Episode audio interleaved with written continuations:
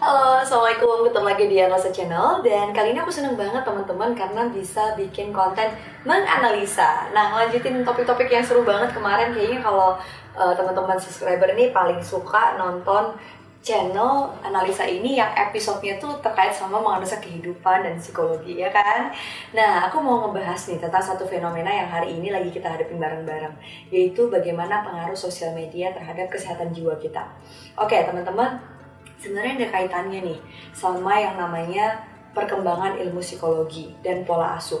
Aku percaya di setiap era itu tuh kayak ada um, things yang berbeda gitu. Generasinya pun berbeda. Jadi kalau kita maksain generasi ini untuk mengadopsi things atau value di era yang bukan generasi itu hidup, yang nggak akan bisa. Contoh nih, di tahun 1960 ranah psikologi para ahlinya tuh lagi sibuk bicara tentang hmm, unconditional positive regard. Apa sih itu?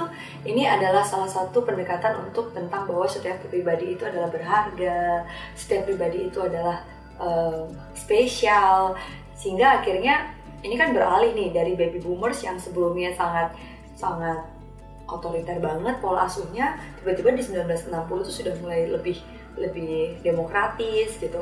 Akhirnya 1970 mulai diimplementasikan nih pola asuh yang pendekatannya lebih demokratis, bahwa setiap anak itu spesial, unconditional positive regard, jadi kasih sayang tanpa syarat dari orang tua, dan itu berkembang untuk generasi di yang lahir tahun 70-an atau kita sebut sebagai generasi X Nah, generasi X ini punya anak dong, generasi berikutnya yaitu Y generation atau millennials, di mana mereka lahir tahun 80-an. Ternyata bisa juga anaknya itu adalah lahir dari generasi 90-an yang disebut generasi Z. Nah, ternyata pola asuh yang sangat demokratis dan sangat terbuka itu didukung oleh perkembangan teknologi yang berbeda. Jadi kalau misalnya dulu itu unconditional positive regard itu dilakukan oleh para orang tua ke anak, guru ke murid. Sekarang di era sosmed untuk generasi Z atau alpha atau millennials ini itu penghargaan bahwa tanpa syarat ini jadi kayak seolah menuntut semua pihak karena semua orang sekarang punya kehidupan di dunia maya. Salah nggak sih? Ya enggak lah, karena manusiawi semua orang itu pada dasarnya apalagi kalau didasari oleh pola asuh. Sehingga pola asuh unconditional positive regard ini membentuk pribadi kita menjadi pribadi yang menuntut dianggap spesial. Jadi human beings banget. Kalau kalian itu hari ini kalau main sosmed manusiawi dong mengharapkan yang namanya likers followers subscribers comments positif. Nggak ada manusia yang nggak mengharapkan itu. Once kalian posting pasti terbesit kok kecuali kalau emang nggak main sosmed gitu kan. Nah itu dia nih teman-teman. Kembali ke soal bagaimana sikap yang tepat untuk kita dewasa menghadapi era sosial media ini. Ini kayak anak kecil deh. Kalau dulu anak kecil tuh kan kayak anak anakku deh. Rafa sama Caca itu kalau misalnya bajunya seragamnya beda dari teman-temannya dia ngerasa itu secure. Lalu aku coba ngeliat oh iya ini anak kecil mah kayak gini jadi meter buat dia. Terus sampai akhirnya kita dewasa anak remaja mulai mikirin lebih detail lagi penampilan. Terus kalau ngerasa jerawatnya tumbuh tuh kita jadi kayak ngerasa malu. Terus kayak ngerasa kayak kalau kita gendutan dikit ngerasa nggak menarik. Nah ini tuh sebenarnya kayak faktor yang membuat kita tuh belum berkembang gitu karena masih usia remaja. Terus ketika kita dewasa sebenarnya yang membedakan adalah ketika kita bisa mulai memprioritaskan pikiran-pikiran yang memang penting untuk kita seperti konten yang sebelumnya aku pernah uh, bahas juga di episode yang lain. Jadi bagaimana sikap kita untuk priority, kapan dan di mana untuk apa kita memikirkan energi kita tercurahkan di sana. Nah, kembali ke soal pola asuh tadi di era sosmed ini, salah nggak sih kita ngarepin likers dan juga dari followers? Ya enggak. Tapi teman-teman coba deh berempati. Aku pernah di titik ini nih.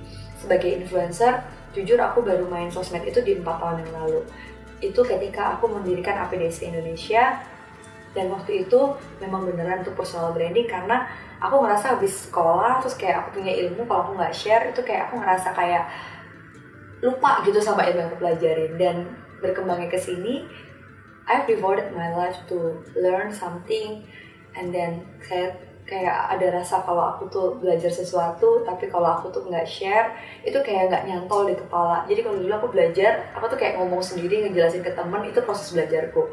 Jadi sharing itu adalah salah satu meter yang menurut aku membuat aku tuh jadi lebih paham tentang sebuah ilmu gitu. Sharing dan kalau sharing doang tapi aku nggak mengimplementasikan itu kayak ngawang gitu. Jadi aku juga harus merasa ada satu proses grow atau growing.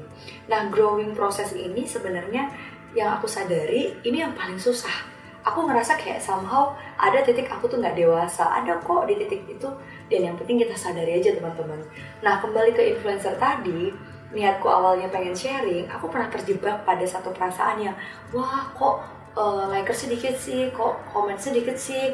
Tapi sebenarnya tanpa disadari karena mungkin kerjaanku tuh adalah di sosmed uh, analytical sosmedku itu penting untuk mendapatkan satu income untuk secara finansial. Ini teman-teman influencer pasti ngerasain ya, ketika feed kita itu uh, endorsement atau apa pun itu tuh membutuhkan analytical kita. Jadi kalau kita tidak mendapatkan analytical yang bagus itu mempengaruhi.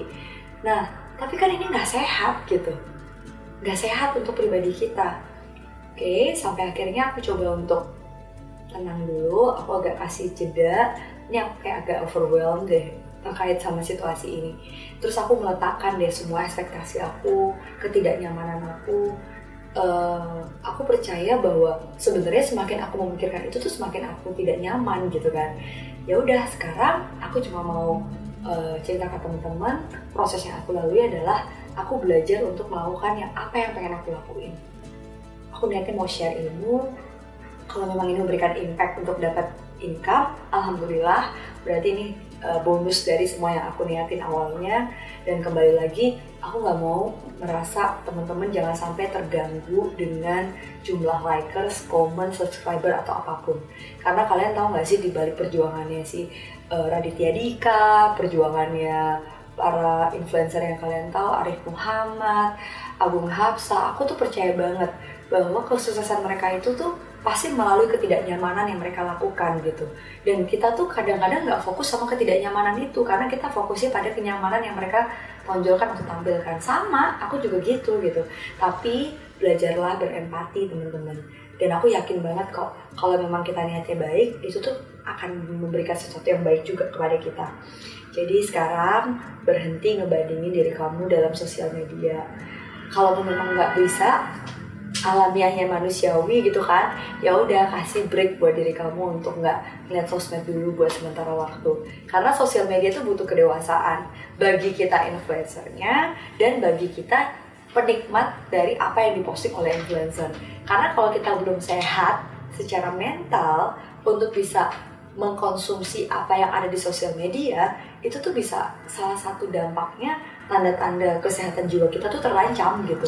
Jadi teman-teman aku percaya juga nih kalau misalnya sekarang kita memanfaatkan itu dengan baik coba kembalikan ke diri kita buat uh, fokus kamu kepada hal yang penting menjadi target hidup kamu.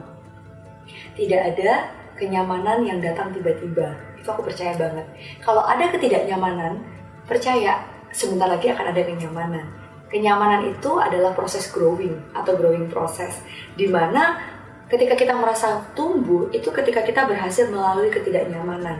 Jadi kalau ada kejadian negatif dalam hidup kita, perasaan negatif itu adalah hal yang wajar. Tapi yang terpenting adalah bagaimana kita menyikapi perasaan negatif dan kejadian negatif itu dengan tetap sebuah pikiran dan uh, behavior atau tindakan yang positif. You don't need to be okay to do something okay to yourself. Pokoknya sukses buat teman-teman semuanya enjoy the journey hmm, berhenti untuk fokus pada hal-hal yang gak penting dalam hidup kamu dan jangan berfokus pada kebahagiaan. Jangan pernah bertarget pada kebahagiaan tapi buatlah target untuk bisa berupaya menyelesaikan ketidakbahagiaan kamu. Itu fokusnya terima kasih udah nonton Alisa Channel kali ini dan selamat untuk kalian yang berhasil melalui proses ketidaknyamanan dan ketidakbahagiaan dalam hidup. Kalian adalah berjuang dan aku bangga sama kalian. Thank you. Assalamualaikum warahmatullahi wabarakatuh.